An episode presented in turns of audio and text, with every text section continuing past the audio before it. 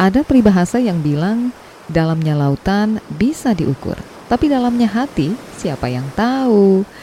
Hmm, sebenarnya kita nggak akan bahas tentang perkara hati.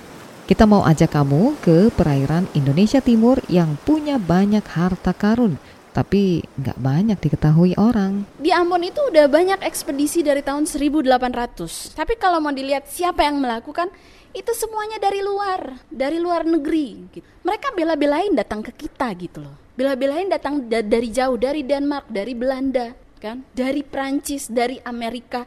Mereka keliling dunia. Masa kita lautnya yang deket sama rumah kita sendiri kita nggak tahu apa-apa? Sudah siap? Ayo kita menuju dasar laut bersama Yosmina Tapilatu dari Pusat Penelitian Laut Dalam Lembaga Ilmu Pengetahuan Indonesia LIPI. Anda sedang mendengarkan Sains Sekitar Kita. Sains Sekitar Kita. Produksi KBR dan The Conversation Indonesia.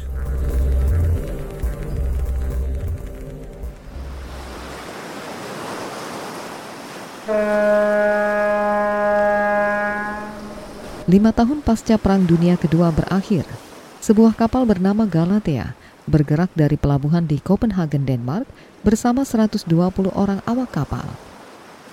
Setelah berbulan-bulan berlayar, mereka tiba di Laut Banda. Bukan untuk menginvasi Indonesia yang baru merdeka, tapi untuk meneliti lubuk dan palung di laut dalam di sana.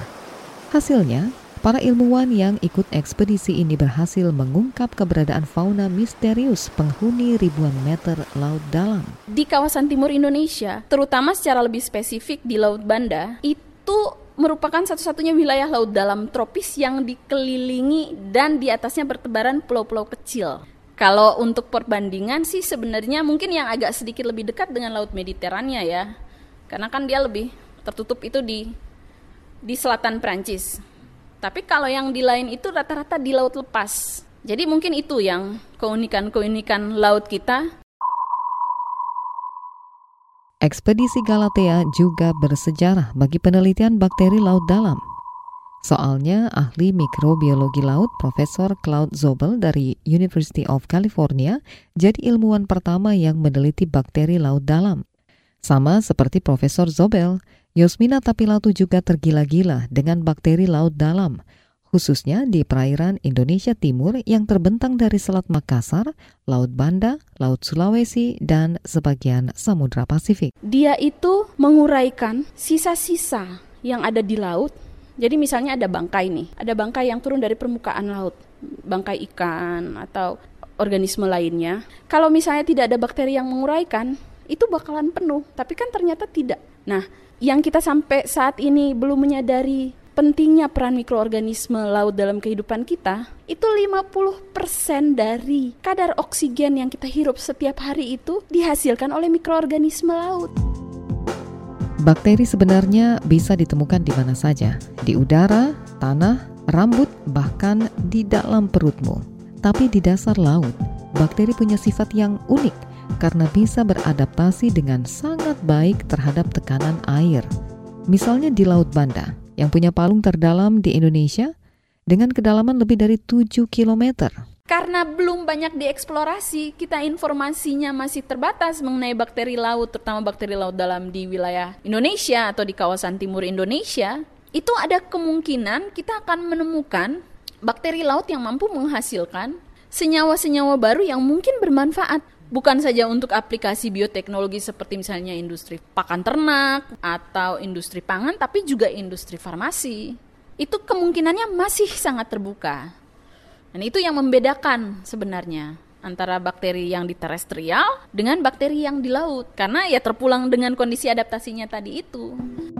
Salah satu contohnya adalah bakteri yang identik dengan bakteri Basilicus mojafensis yang diketahui mampu menghambat pertumbuhan sel kanker leukemia. Yosmina menemukannya setelah mengambil sampel dari tiga lokasi dengan kedalaman berbeda di Laut Arafura, laut yang berada di antara Pulau Papua dan Australia.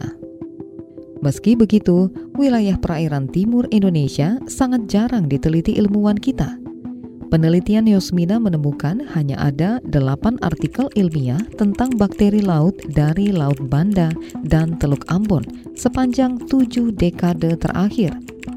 Artinya, setiap 10 tahun hanya ada setidaknya satu artikel ilmiah yang terbit.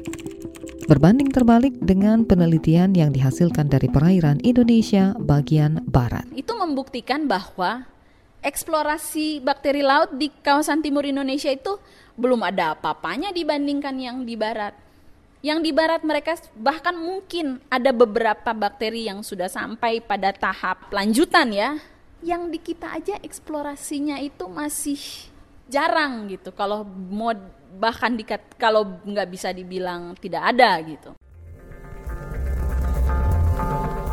Sains sekitar kita. Sains sekitar kita. Produksi KBR dan The Conversation Indonesia.